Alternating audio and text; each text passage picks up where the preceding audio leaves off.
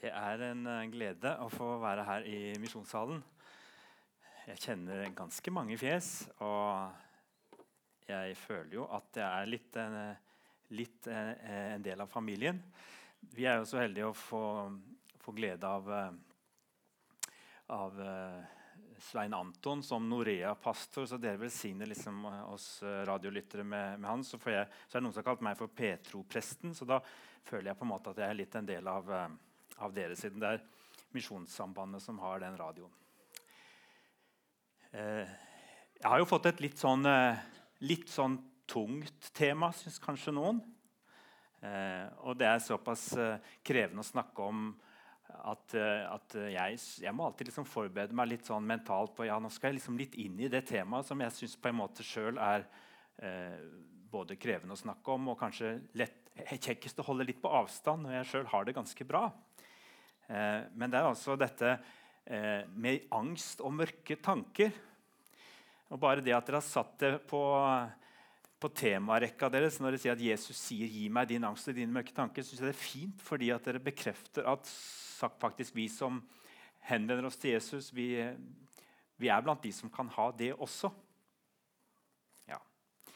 Eh, jeg er så, det, dette er ikke det som jeg opplever preger mitt kristenliv eller mitt liv i det hele tatt så mye nå, heldigvis. Men, men eh, jeg, jeg, er kanskje spurt om å snakke om dette temaet fordi jeg har vært litt åpen om at uh, depresjon har vært uh, tilbakevendende sykdom i mitt liv. Nå er det heldigvis ganske mange år siden jeg opplevde. Det, eller begynner å nærme seg åtte-ti år, og det er lenge i mitt liv. Eh, men eh, det har vært noe som har kommet i kortere og lengre perioder. Og så har det preget min, eh, både min tjeneste, mitt familieliv og, og, min, og, min, måte å kanskje tro og tenke om tro på.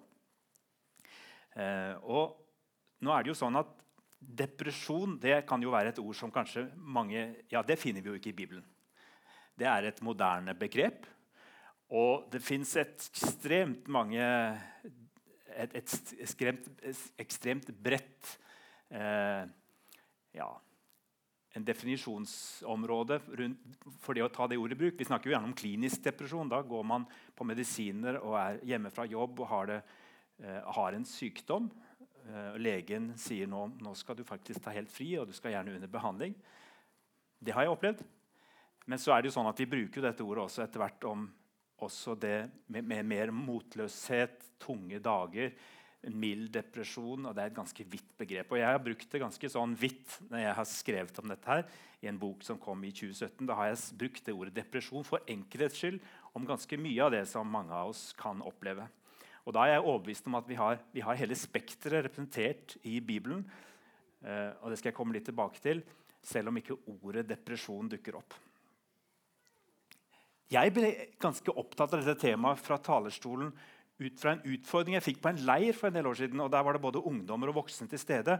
For Jeg ble spurt om jeg kunne ha en bibeltime om dette fenomenet. og Da var det flere som kom til meg etterpå, både ungdom og voksne, som sa at de hadde aldri hørt en prest snakke om dette. Eh, det betyr ikke at det ikke er mange prester og og forkynnere som gjør det. altså. Men det var kanskje likevel en opplevelse av at dette snakkes om veldig mye ute i samfunnet. På TV, og I skolen er det blitt plinket å snakke om det siden jeg var ung. og fikk dette for første gang. Vi har framstående politiske ledere og andre som har stått fram og vært ærlige om slike ting. Så sånn sett så snakkes det jo mye noen vil kanskje si at det er blitt litt mye snakk om psykisk helse. Eh, det tenker ikke jeg, men det er klart, vi må jo ikke på en måte la det gå inflasjon i at dette er noe som alle har, og som om det er en selvfølge at alle mennesker skal ha grunn til å ha det tungt og vanskelig. Men det noen likevel opplever, at det snakkes ikke så mye om det i kirker og bedehus. Og, og, når vi snakker om det, så kan det hende at vi noen ganger tar litt lett på det og kanskje også kommer i skade for å åndeliggjøre noe som ikke skal åndeliggjøres. Eh, kanskje, men samtidig også så forteller psykologer og terapeuter meg at dere bør snakke om det, dere som tror på Gud. Dere bør snakke om det, det som kan sette det inn i en kristen fortellingsramme. Dette å ha det tungt og vanskelig i livet. For vi kan ikke alltid formidle den håpsrammen eller den store fortellingen som dere kan. Og Da snakker de gjerne ut fra en kristen tro. som de syns er vanskelig å bruke i sin hverdag. Så gjør det med frimodighet, sier de til meg og andre. Og derfor gjør jeg det. Eh, akkurat nå så leser vi i en sånn bokklubb som jeg har med noen kamerater. Der leser vi egentlig alt mulig. Um, og ikke bare kristenlitteratur, eller egentlig ikke, ikke kristenlitteratur sånn sett i det hele tatt, akkurat i den bokklubben, men akkurat nå så leser vi Jens Bjørneboe, 'Frihetens øyeblikk'. Litt sånn tungt, fordi han eh, beskriver en sånn, han ser nok verden med litt sånn tungt blikk. Jens Bjørneboe, I denne, um, i denne boka fra 60-tallet så møter vi en jeg-person som har depressive perioder gjennom eh, hele livet. virker det som. Og Så beskriver han det i en liten setning. Og Han sier det er tydelig at depresjon ikke er en kraft eller en makt inni meg selv, men noe som møter meg utenfra. Et stoff, eller kanskje i virkeligheten et vesen. Noe som ligner på et rovdyr. Den er som et åndelig fremmed vesen som er like på kanten av å anta form i kjøtt og blod. Jeg føler det også slik når jeg er alene med den. Jeg kunne nesten kalle den for ham. Han sitter der når jeg våkner, og jeg vet at jeg ikke er alene. Det er et annet levende vesen i rommet. Ja, og Da hører vi at Jens Bjørnboe bruker en metafor nesten som om han som egentlig var ganske sånn han var, ikke, han var, nok litt religiøs òg, så han var ikke en ateist, men han var ganske kristendomsfiendtlig. Men her merker vi at han bruker et sånn, nesten sånn metafysisk språk om motløsheten. merker dere at Han snakker om det nesten som om det er en åndelig kraft som er i ferd med å ta over livet hans, og som nesten oppleves som den kommer utenfra. Og det er jo ikke alltid nødvendigvis sånn det er. Noen ganger er det sånn, men det er ikke nødvendigvis sånn det er. At det er liksom som om den onde selv som, som, har tatt bolig i oss på noen som helst måte når vi har mørke, tunge tanker. Men det kan oppleves sånn. Så denne beskrivelsen hans her, den kan jeg kjenne meg igjen i. Den opplevelsen av at eh, Hvor kom dette her fra? Det er akkurat som om måte, jeg, jeg, blir grepet av et eller annet som på en måte bare tar meg inn i noe. Jeg, jeg aner Noen forteller meg at dette ikke er virkeligheten, men det virker som det er virkeligheten. Det virker som dette jeg nå ser, har tatt helt over. Akkurat som om det er en kraft i rommet som formørker tilværelsen min. Han eh, uttalte jo selv Bjørneboe at han sleit med depresjoner. Det var kanskje også en medvirkende årsak til at han tok sitt eget liv i 1976. Eh, og han er ikke den eneste. Dessverre så er det mange som dør av denne sykdommen. Jeg kunne ha gjort det selv. Og det har jeg vært ganske åpen om i denne boka mi som heter 'Gi mine øyne lys'. Der skriver jeg om da jeg var 15 år. Og da eh, jeg hadde så lite forståelse og kunnskap om det som foregikk i livet mitt de månedene, at eh, jeg ikke trodde det kom til å gå, bra igjen. Så jeg var så overbevist om det. Skamfull for å ha disse tankene, men jeg var så overbevist om at jeg blir aldri bra igjen. At jeg ønsket å, å bare forsvinne. Heldigvis så gikk det bra med meg, men jeg har ofte tenkt at det nesten er urettferdig at det har gått så godt med meg når jeg hører om andre som ikke det går godt for. Og jeg har ikke noen god forklaring på hvorfor noen opplever nærmest at de har englevakt, sånn som jeg hadde den dagen, og andre opplever å miste en av sine kjære. Tør vi å snakke om dette her? Og tør vi å snakke om det litt sånn nyansert? Jeg skal ikke bruke så veldig mye tid i dag på akkurat å snakke om alle mulige former for uh, depresjoner. og sånn. Det, det, dette er ikke et foredrag sånn sett. Eh, men jeg tror det er viktig at, vi, vi, har med oss dette at mørke tanker og depresjon og dette, den motløsheten og angsten som kan komme som følge av det, det kan ha veldig mange årsaker. Noen av oss er født med anlegg for dette, sånn at det ligger i vår, i vår eh, arv. Og noen av oss har så sterke påkjenninger i vår oppvekst og i det miljøet som omgir oss, at det er naturlig at kroppen stanser opp og stenger igjen sanseinntrykkene for å måtte, nærmest behandle seg selv. Og Noen opplever da at det blir klinisk og så vanskelig at man må ha hjelp utenfra. Det er også de som selvfølgelig får depresjon som følge av åndelige, åndelige problemer. Og sånn, eh, sånn, er det viktig at vi skjelner, sånn at vi ikke skjærer alt dette over samme kam. Men som troende som Jesus-troende så blir kampen for å finne lyset tilbake det blir jo preget av Gud. For det er nemlig sånn at Når vi har mørke og tunge tanker, så er det sånn at jeg, min erfaring er at eh, tankene rundt tro og Gud blir bare enda sterkere. Og jeg vet at for noen Noen er velsignet med en veldig god barnetro også gjennom depresjon. Så de sier ja, men hvis jeg ikke hadde hatt Gud, hvis jeg ikke hadde hatt Jesus med meg gjennom dette, her, ja, da hadde jeg i hvert fall ikke holdt ut. Så de kan si troen var det som på en måte reddet meg gjennom. Men jeg snakker med ganske mange som dessverre kan si litt det motsatte når de er midt oppi det. Jeg snakker med ganske mange som sier at de opplever troen som en del av problemet. For når de har hatt en tro med seg inn i depresjon, så blir også grubleriene rundt 'Hvor er du, Gud?' kanskje enda sterkere. Og jeg kan faktisk skrive under på det at noen ganger når jeg har opplevd dette, så har det vært sånn at jeg har tenkt det hadde nesten vært lettere hvis jeg ikke hadde trodd på Gud før depresjonen og hatt han med meg inn i det. fordi at jeg skal liksom dra på han nå og få han til å passe inn i dette uforståelige landskapet. For opplevelsen kan være at han bare er helt borte. At Gud er borte. At det er mørkt. Og da snakker vi om det som mange kaller for et åndelig mørke. Og nå må det presiseres at Når jeg snakker om åndelig mørke, så snakker jeg ikke om det å leve et syndefullt liv langt borte fra Gud. For det kan også være et åndelig mørke. Jeg snakker heller ikke om åndelig mørke som det å ta et aktivt valg om å leve uten Gud og Jesus i livet sitt. Nei, Jeg snakker om åndelig mørke som en tilstand oppsiktsvekkende mange kristne kan oppleve å komme i. En eller flere ganger, eller kanskje som en ganske vedvarende opplevelse over lang tid. Og Tilstanden kan ikke nødvendigvis spores tilbake til noe denne personen har gjort eller ikke gjort. Slett ikke alltid. Da mørket traff dem, så kan de gjerne ha opplevd å stå midt i et nært og aktivt forhold til Gud og den kristne troen. Dere kjenner dette ansiktet. Jeg tror til og med kanskje noen av dere ungdommene har hørt om mor Teresa, selv om hun døde i 1997. Hun framstår på mange måter som selve inkarnasjonen utenom Jesus av godhet og det å måte, vise kristen nestekjærlighet. Det fantastiske arbeidet som mor Teresa gjorde i Calcutta. Hun kom selv fra Skopje i Makedonia, tror jeg. Eller var det Skopje eller en by i Makedonia? Men hun reiste tidlig til India og jobbet først eh, sammen med europeiske nonner, som var det vanlige. Og så startet hun en helt ny bevegelse med indere, kvinner fra India, som ble nonner. Og det var noe helt nytt i katolsk sammenheng. Og hun gjorde en fantastisk innsats for gatebarn og kvinner som led i India.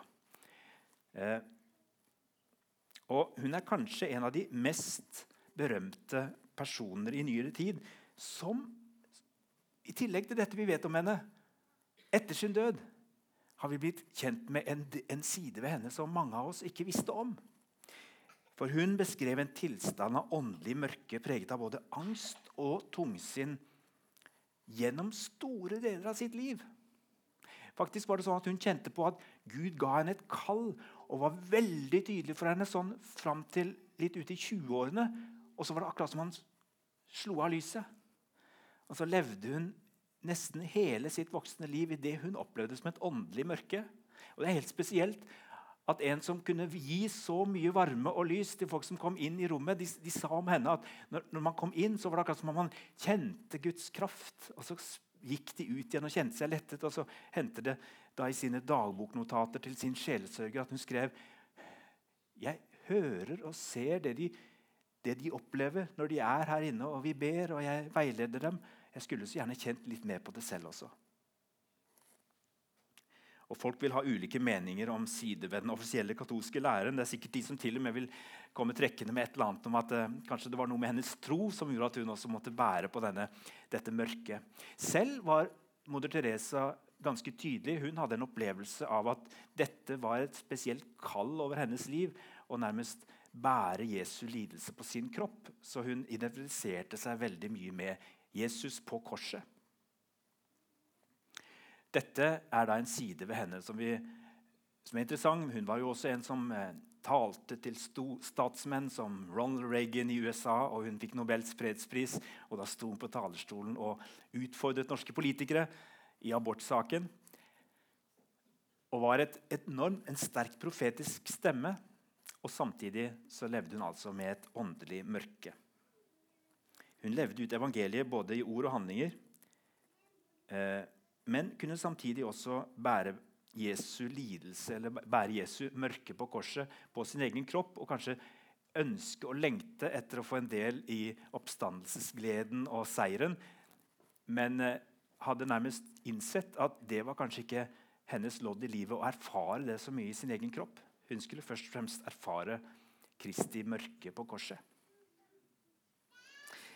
Når jeg prøver å løfte mine tanker til himmelen, skriver hun et av sine brev, opplever jeg en slik enorm tomhet at tankene mine vender tilbake som skarpe kniver og skader meg på sjelen. Jeg får høre at Gud elsker meg, men mørket og kulden og tomheten er så stor at ingenting berører min sjel. Før kunne jeg tilbringe timer med Vår Herre, elske ham, snakke med ham. Likevel, sier hun, bryter lengselen etter Gud ut av mørket, et sted langt nede på dypet av hjertet. Min sjel er som en isklump. Jeg har ingenting å si. Mor Teresa valgte å se det sånn at hennes mørke var den åndelige siden av hennes arbeid, en deltakelse i Jesu lidelser. Og Seint i livet så skrev hun Jeg har blitt glad i mørket, for jeg tror det er en del, en veldig liten del, av Jesu mørke og smerte på jorden. For henne lå altså noe av nøkkelen i det å identifisere seg med Jesu lidelse. Hun kjente nok godt til Paulus' brev til filipperne, som ofte kalles for gledesbrevet. Der Paulus sier 'Vær alltid glade, gled dere i Herren'. Men der skriver han også 'For Kristi skyld fikk dere den nåde', ikke bare å tro på ham, men også å lide for ham. Nåden å lide, folkens.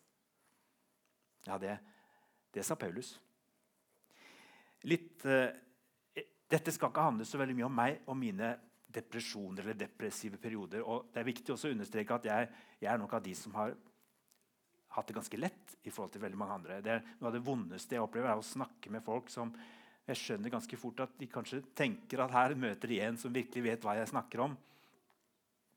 Og så må jeg bare stilltiende innrømme etter hvert at jeg har nok vært heldig. For det er andre som går med tunge ting over mange år, og det er som om måte, dette aldri tar slutt. Og da blir jeg sittende litt sånn som i møte med mor Teresa. Men hva, hva, er meningen med dette, da, Gud? Og det er ikke alltid noen mening. Eh, men det jeg opplevde da jeg kom ut av denne mest alvorlige perioden som 15-åring Jeg har aldri hatt så alvorlige perioder etterpå, for jeg har fått hjelp, jeg har fått medisiner og terapi og hatt en god familie som har vært rundt meg. Og, og, og det har gjort det lettere. My, my, meningsfylt var det å få egne barn. Og det er mye som gjør at jeg heldigvis aldri har kommet på de tankene igjen at jeg ikke skal leve. Men når jeg på en måte fant tilbake til troen igjen, så ble det veldig godt for meg å ta fram Sammenes bok og lese i den. Og bruke den som en bønnebok regelmessig, fordi jeg opplever at Salmenes bok er, et, er som et, eh, et, speil. Den speiler liksom alle livets erfaringer. Mennesker gjennom alle tider har opplevd så mye forskjellig. De har opplevd god grunn til å takke og prise. Og så har du også de mørkeste øyeblikkene presentert. Kong David han er jo den som har skrevet flest salmer. I hvert fall blir han eh, er satt som forfatter for de fleste salmene. Og han har mange av de som jeg har lest mye. Men vi hørte også Bjørg, Bjørg lese fra en av Asafs salmer her ved åpningen i dag.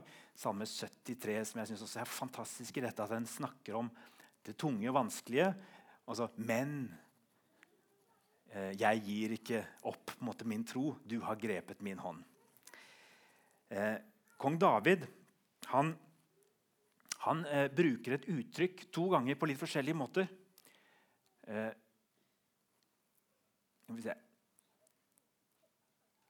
Nei, nå går jeg feil vei. Det var det som var feil. Skjul ditt ansikt for mine synder, sier David i samme 51. Utslett all min skyld. Og Da er det som om han ber liksom, skjul ditt ansikt for meg, for mine synder. Utslett all min skyld. Da, da, er det det å skjule, da, da, skal Herren skjule ansiktet og ikke se det han har gjort galt. Men han bruker uttrykket også i en helt annen sammenheng. Og Det er i Salme 13. Og Da er det ikke noe han på en måte ber Gud om. ikke se på det jeg har gjort. Nei, da er det et, et fortvilt rop som ikke kommer ut fra synd, tror jeg, men ut fra mer dette som vi kanskje kaller for depresjon. Han sier, 'Hvor lenge, Herre, vil du glemme meg for alltid?' 'Hvor lenge vil du skjule ansiktet for meg?' 'Hvor lenge skal jeg ha uro i sjelen og sorg i hjertet?' Hele dagen. Hvor lenge skal fienden ha makt over meg? Se meg, svar meg, Herre min Gud. Gi mine øyne lys, så jeg ikke sovner inn i døden. Hvis dere har vært rundt noen som har det veldig, veldig tungt og er inne i et slags åndelig mørke, så kan dere ofte legge merke til det på øynene. Det er akkurat som lyset har gått på Det er en slags lampe bak øynene våre som av og til slukker. Det kan vi av og til legge merke til Hvis dere er rundt noen som har det veldig tungt, så, så, vil dere ofte oppleve det. Det er jo ikke alltid sånn. Noen kan man ikke se det på i det hele tatt. De går rundt midt iblant oss og har, har det tungt uten at de kan se det. Men jeg liker dette begrepet her. dette Gi mine øyne lys. Jeg kan kjenne meg igjen i at det, det er sånn det ofte er å være i nærheten av en. Det er som om lyset er slukka. Gi mine øyne lys, så jeg ikke sovner inn i døden. Jeg tror han beskriver dette mørket som noen har kjent på. Dette er et mørke forårsaket av faktorer som vi enkeltmennesker ikke ser ut til å kunne bære ansvaret for. Vi bare rammes av litt sånn tilsynelatende uforklarlig. Eh, de færreste av oss kan identifisere oss med kong Davids og mor Teresas eh, eh, store bedrifter i livet. Og, og, heldigvis er det heller ikke alle som vil si at livskriser, sykdommer eller møter med veggen har ført dem inn i troskriser der Gud oppleves helt borte. Men det er likevel vanligere enn vi kanskje er klar over og vil på en måte ta inn over oss. Det kan komme i kjølvannet av en skilsmisse, oppsigelse på jobben, utbrenthet, en nær venn eller et familiemedlem dør. Kanskje har vi selv eller noen rundt oss fått en kreftdiagnose. Det kan være, og det opplever dessverre også en del, som har fått en desillusjonerende opplevelse i menighetssammenheng. De er så skuffet og såret over ting de har opplevd i menighet. Og da også er det noen som går inn i en depresjon fordi de opplever tap av fellesskap. Et svik, en knust drøm, et barn på ville veier. Hva skal vi gjøre med dette barnet vårt? Hva har vi gjort galt når det, når det lever slik som det nå gjør, og har det så tungt og vi klarer ikke å nå inn? En bilulykke. Vansker med å bli gravid. En dyp lengsel etter å gifte seg uten å finne den rette, eller at gleden i forholdet til Gud tørker ut. Her er bare et eksempel på mange av de ytre faktorer som kan utløse en lang periode med tungsinn. Salmedikteren Svein Ellingsen han døde for tre år siden. Og de aller fleste av dere har nok sunget i hvert i sammenhenger der sanger av han blir sunget. Salmer. F.eks. Eh, 'Vi rekker våre hender frem som tomme skåler'. Men Svein Ellingsen han, eh, han var også en som møtte på en del av dette tunge i, i livet sitt. Og Det var jo bl.a. som følge av at han mistet barn mistet et barn tidlig. Det var en av de sorgene som han måtte leve med. Um, han var en god venn av min svigerfar. og Derfor har jeg hørt en del om ham i familien uh, vår. Men det kom også en fin biografi av Eivind Skeie om Svein Ellingsen i 2009. Svein Ellingsens liv var ikke enkelt. Han var skoleflink, men falt utenfor sosialt. I dag ville vi kalt det mobbing, det han ble utsatt for. Jeg var nok det man vil kalle et overfølsomt barn, sier han i boka. Eivind Skeie bruker et treffende ord. Han var et menneske med en uvanlig inntrykksvarhet. Sett dit ord. Han var et menneske med en uvanlig inntrykksvarhet. Der har vi mange av de som kanskje havner i en depresjon før eller siden. Ellingsen forteller om en drøm han hadde en natt som barn. Jeg drømte en natt at jeg gikk gjennom en uendelig stor og mørk skog og jeg var ensom, fortvilet og redd. Plutselig kom jeg til en lysning i skogen hvor det var et overjordisk vakkert lys, og hvor marken var fylt av de skjønneste blomster, og hvor redselen forsvant. Jeg har mer eller mindre båret denne drømmen med meg gjennom hele livet. I ti år, fra 48, 1948 til 1958, var Svein Ellingsens liv i stor grad preget av angst og depresjon. Han var også innlagt på psykiatrisk sykehus.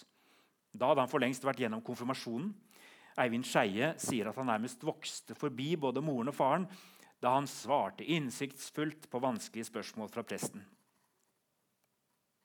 Selv om Svein Ellingsen fortsatte å kjenne på mye smerte og åndelig mørke gjennom livet, så er salmene hans de er preget av det samme som klagesalmene i Bibelen. Og Hva er det som kjennetegner klagesalmene i Bibelen? Jo, De starter veldig ofte i klagen, men så dirrer det en dyp tillit til Guds godhet under alt sammen. Og Derfor får vi veldig ofte sånne liksom motsigelsesfylte setninger. Først så kommer det brutal smerte i bønn, og så Men takk, Gud, for din godhet. Og Det kan vi også se i Svein Ellingsens salmer. og Derfor så syns jeg det er fint å minne hverandre på, på sånne som han, som har fått bety så mye for mange gjennom sin refleksjon, sin tro. Og det det var ikke sånn at dette, dette, uten videre gikk over, sånn at han kunne si dette er et tilbakelagt stadium. Nå har jeg endelig funnet fram. Nå er jeg eh, lykkelig i min tro. Nei, dette var noe som han bar med seg. Det var på en måte både hans smerte, men kanskje også hans, noe av hans dikterkraft. Salme 13 avslutter slik.: Men jeg setter min lit til din miskunn. Mitt hjerte skal juble over din frelse. Jeg vil synge for Herren, for Han har gjort godt mot meg. Tenk at en salme som begynner i den djupeste avgrunn, kan avslutte sånn. Men jeg setter min lit til din miskunn. Mitt hjerte skal juble over din frelse. Jeg vil synge for Herren, for Han har gjort godt mot meg. Det er ikke så ofte vi synger Svein Ellingsens salmer i bymenigheten. Vi synger litt sånne sanger som dere har sunget her i dag. Men vi skulle kanskje sunget dem litt oftere, disse klagesalmene. Eh, det handler sikkert mer om form enn om innhold. Jeg skulle ønske at vi lot noe av spennvidden i den kristne erfaringen også komme til uttrykk i sangskatten vår. Eh, for omtrent nøyaktig fire år siden så kom denne boka som, jeg, som heter 'Gi mine øyne lys'. som jeg skrev, og Der har jeg med to salmetekster av Svein Ellingsen. Og Rett etter lanseringen av boka så mistet en av mine beste venner, eh, som også er prest, han mista sin kone. Han, hun valgte å avslutte livet sitt etter en periode med med sterk fysisk smerte som følge av sykdom. Og Da ble denne teksten for, for både han og meg ekstra verdifull. Vi leste den sammen. Vi brukte denne teksten som, som heter 'Midt i alt det meningsløse'. Og I første vers så sier han Gud, vi roper, om du finnes, finn oss, redd oss når vi synker i vårt eget tomhetsmørke det som jeg liker så godt med denne sammen, er at den, det, det, er mye fint innimellom her òg. Men, men, det begynner med dette, og så er det siste verset. Helt til slutt så avsluttes det sånn. Merk forskjellen. Ikke 'Gud, vi roper om du finnes', men 'Gud, vi roper 'du som finnes'. Finn oss, redd oss, la din nærhet bli vårt lys i tvilens mørke. Og Da, da kommer denne liksom denne, Jeg tror kanskje at noen ganger så er det menigheten som synger sammen med han den som tviler og som har det vanskelig. Og da kan man si 'du som finnes'. Eller så er det bare i trass at, uh, at samedikteren sier 'Gud, vi roper 'du som finnes', og ikke bare 'om du finnes'. Men kanskje er det begge deler. Jeg tror ikke minst det handler om at fellesskapet synger. Og da er det troen som bærer den ene som ikke klarer å tro. Vi roper 'du som finnes'. I mørket så tviler vi ofte på oss selv, på Gud og på menighetsfellesskapet. Vi oppdager kanskje for første gang at troen vår ikke virker sånn som den har pleid. Plutselig så er spørsmålene langt flere enn svarene. Det kan kjennes som at hele grunnlaget for troen vår står på spill. Vi vet ikke hvor Gud er, hva han gjør, hvordan han skal få oss videre, eller når dette vil være over. Ofte så spør folk meg hvor lenge skal dette vare. Hvor lenge varer mørket? For enkelte kan det være over på noen uker. I hvert fall det mest intense. Og For andre så varer mørket opptil flere år. Og De aller fleste de opplever likevel at det lysner eller blir bedre før eller siden. Og det synes jeg er veldig viktig at vi sier til hverandre. At for de aller, aller fleste så blir det bedre. Og så er det noe med å si at eh, du tror ikke det nå. For du er så hellig overbevist om at du har sett sannheten. Du som er midt nede i dette mørket. Jeg er aldri så overbevist om, om eh, framtiden som når jeg er deprimert. Da vet jeg alt. Overbevist, Nesten som om vi får, sånn, vi får sånn profetisk kraft. Det går rett vest. Ingenting som kommer til å bli bedre. Kommer til å slukke lysene i menigheten om fem måneder. Jeg blir den siste som er prest her. Sånn var det når jeg hadde dette sist for åtte år siden. Det, jeg er bare kommet hit for å avslutte og slukke. Det er så mange rare tanker, og Da må andre komme og si vet du, dette er ikke virkeligheten. Vidar. Og Så må vi holde rundt hverandre og si at det kommer til å se litt bedre ut. Og dessuten, det som du ser, er ikke det som vi ser. Du ser jo ikke alt. Heldigvis.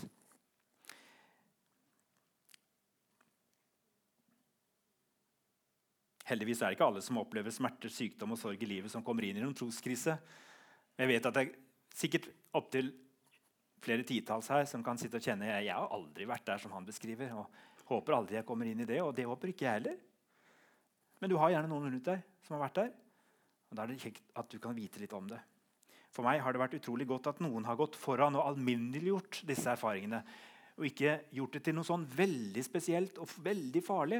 For jeg tror at når vi alminneliggjør disse tingene, så reduserer vi også risikoen både for at mennesker forsvinner ut av fellesskapet, og viktigere enn det også reduserer vi risikoen for at de gjør noe alvorlig med seg selv.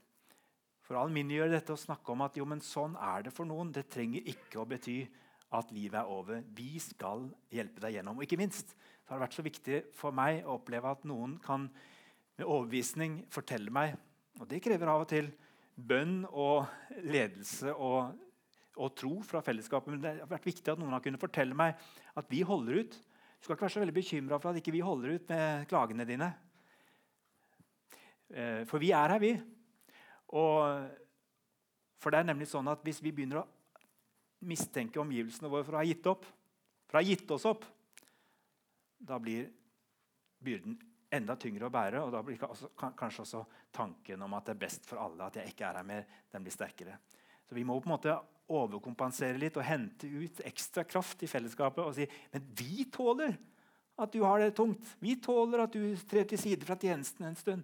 Vi, vi er glad i deg likevel. Vi er her. Du skal få ta den tid det trenger. For vi vet ikke alltid hvor lang tid det tar. Og Så trenger vi å gi hverandre noen litt store rom å være i. Fordi den som gjennomgår en troskrise, er ganske sårbar. Jeg trengte ikke å få alle mulige gode råd og advarsler om hvor mye lenger bort jeg nå ville havne hvis jeg nå ikke snudde og fant tilbake til lyset eller lot Gud slippe til i livet mitt igjen. Sånne råd funker ikke så godt.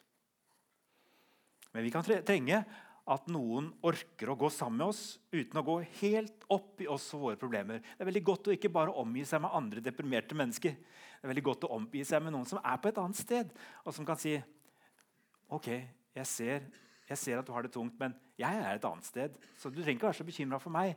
Jeg kan sitte her og fortelle deg om en annen virkelighet. Rådet fra åndelige veiledere gjennom kirkas historie er ganske tydelig. En jeg skriver om i boka mi, det er spanjolen Johannes av Korset, som levde på 1500-tallet. Han skrev kort gjenfortalt om sjelens mørke natt. og Jeg skal gjengi helt kort noe av det han skriver om. Bruk ikke dyrebare krefter på å kave for å komme deg ut av den fasen du er i. Den er over når den er over. Benytt heller tiden til å være oppmerksom til stedet der du er. Kanskje vil livet fortelle deg noe som det ikke har hatt mulighet til på lenge fordi du ikke har hatt tid og anledning i all travelheten, velstanden og de vanlige hverdagene, sa en munk på 1500-tallet. Tidløst, moderne uttrykt, syns jeg. Uten å romantisere noe som helst så vil jeg si det ligger muligheter i mørket. Det kan være en tid for å utforske hvilke verdier du egentlig har i livet. Eh, hva er det du egentlig bygger på? Og gudsbildet ditt hvordan ser det egentlig ut? Har du et gudsbilde som rommer Bibelens beskrivelser av Gud? Eller har du et litt sånn endimensjonalt, enkelt bilde av han? Hva er din identitet i Gud? Og dermed også, Hva er det som dypest sett bærer og preger din relasjon til ham? Det kan hende jeg sier ikke at jeg romantiserer ikke nå, men det kan hende du vil se deg tilbake og si det var en gave at jeg ble tvunget til å utvide min forståelse av hvem Gud er, gjennom min dype erfaring. Å være i et åndelig mørke det kan oppleves veldig ensomt. Og Mange trekker seg derfor vekk fra kristent fellesskap, og noen mister troen. Og Det er derfor vi trenger å snakke åpent om dette i sånne sammenhenger som dette. sånn at når det er noen rundt oss som sliter, så, så er vi ekstra oppmerksom på at eh, de ikke bare skal forsvinne ut. Det er ikke sikkert de orker å komme på gudstjeneste, og ikke være for hard med dem. i forhold til det, For sånn er det av og til at det er tungt. Men, men jeg vil samtidig si at noen ganger så, så skal vi utfordre hverandre litt også på å komme tilbake i fellesskapet før eller siden. Og så skal vi kunne romme både de som reiser seg opp under sangen, og de som blir sittende og se ned og kanskje være der med det de har. Så mitt spørsmål er kanskje hva kan vi som fellesskap gjøre for at det å oppleve et sånt åndelig mørke som jeg har beskrevet, ikke trenger å bety at mennesker forlater troen eller forlater menneskene de har trodd sammen med? Det syns jeg enhver menighet og enhver forsamling skal spørre seg. Hva er vår oppgave for å gjøre det litt lettere å være midt iblant oss med et åndelig mørke? Og Da vil jeg bare helt til slutt fortelle om Kårstein, som var min kamerat, to år eldre enn meg. Som var 17 år da jeg var 15 år, og som eh, ble klar over at jeg bare forsvant fra TenSing og fra til dels var vekke fra skolen en del. og Foreldrene hans var venner av mine foreldre. og de hadde hørt om dette, at nå var Vidar litt bedre fortelling, men de visste ikke helt hva og hvordan de skulle håndtere det. Men, men eh, han kom ikke på noe bedre en vinterdag enn å ringe meg en lørdag morgen og si du, i, i dag Vidar, så blir du med meg på ski. Ja vel, sier jeg. Dette er på stranda på Sunnmøre. På ski, sier jeg. Jeg orker ikke det. Jeg orker ikke å gå på ski. Det kan du bare glemme. Ja, i dag blir du med meg på ski. Pappa skal kjøre oss. Ok, Og så kjente jeg liksom han var så insisterende. og så, okay, så ble jeg med han på ski. og så gikk vi, og Da gikk vi opp på Strandafjellet, opp, tok skiheisen opp, og så skulle vi gå opp på en av disse toppene. og Det tar sånn ca. tre timer hver vei, sånt, eller litt kortere ned igjen. Jeg syntes det gikk ekstra seint, selvfølgelig, og jeg syntes det var utrolig tungt. Og jeg og Kårstein vi veksla omtrent ikke et eneste ord. Han ante ikke hva han skulle si. Men han gikk der ved siden av meg og labba opp eh, på langrenn, sånn telemarksski, sånne gode fjellski, og så sto vi ned igjen. Den kvelden så um, la jeg meg med en, litt sånn, en sånn god følelse. Det var noe som hadde skjedd. Det var noen som hadde tatt tak i meg. Og det var første kvelden på lenge midt i denne tunge perioden at jeg liksom kjente at jeg sovna godt og ikke hadde angst og tunge tanker. Så sier jeg det til han i voksen alder. Du, det betydde veldig mye for deg, meg, den turen du tok. Han, han sier jeg skjønner ikke, jeg følte meg så, eh, så mislykka den dagen. Men jeg hadde liksom bare fått, meg, fått, for meg, og det var sikkert mamma også som insisterte på at jeg skulle ta deg med på den skituren. Ja, det betydde så mye, sa jeg. Du trengte ikke å si noe som helst. Den som kan ha kårsteiner i livet når vi har det tungt de er velsigna. Som tåler stillheten, men som insisterer. Nå dreier vi på ski. Bli med.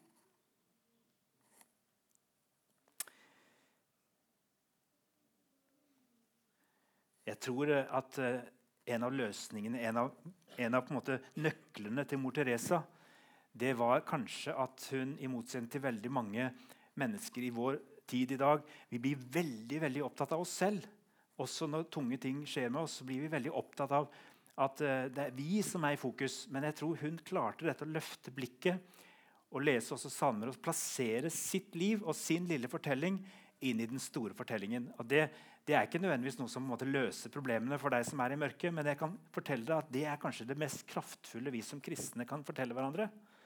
Det er at vi er en del av en mye større fortelling. Vi er en del av den fortellingen som handler om en, en Jesus Kristus som døde, som gikk helt inn i døden for vår skyld, og som opplevde angst og motløshet, og som til og med opplevde at Gud ikke var der. 'Min Gud, min Gud, hvorfor har du forlatt meg?' sa han på korset. Han har erfart det. Og så sprengte han dødens lenker og sto opp igjen. Og vi blir trukket inn i den fortellingen.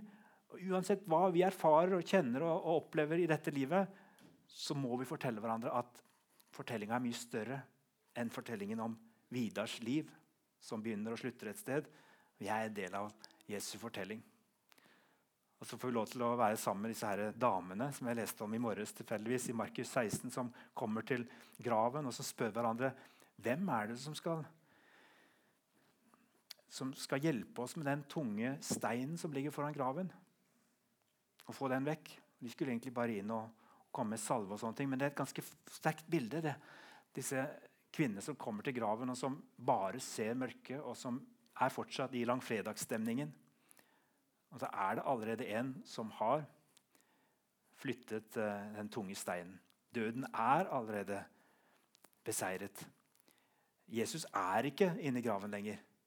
Det tar litt tid før de ser det. Og for noen av oss så kan det hende at vi ikke helt vil forstå det og ta det inn over oss og helt tro det 100% før vi ser Jesus ansikt til ansikt. Og Derfor trenger vi hverandre til å bære lyset sammen. Men jeg setter min lit. Men jeg setter min lit til din miskunn. Mitt hjerte skal juble over din frelse. Jeg vil lovsynge for Herren, for Han har gjort godt mot meg. Og så vil jeg avslutte med teksten til Svein Ellingsen, en av de flotte klagesalmene hans. Vær sterk, min sjel. Vær sterk, min sjel, i denne tid, når du har tungt å bære. Hold ut i prøvens stund og lid de døgn du går i lære. En dag til slutt blir mørket brutt av lyset fra Guds fremtid. Gi håpet rom i denne tid, hvor langt du enn er nede. Hos dem som taper i sin strid, er Herren skjult til stede. Ved Kristi verk skal du bli sterk og hvile i Guds fremtid. Se, mørket blir din modningstid. Hold ut til natten vender. Se bort fra angst og indre splid. Du er i gode hender. Se, du er fri og lever i Guds løfterike fremtid.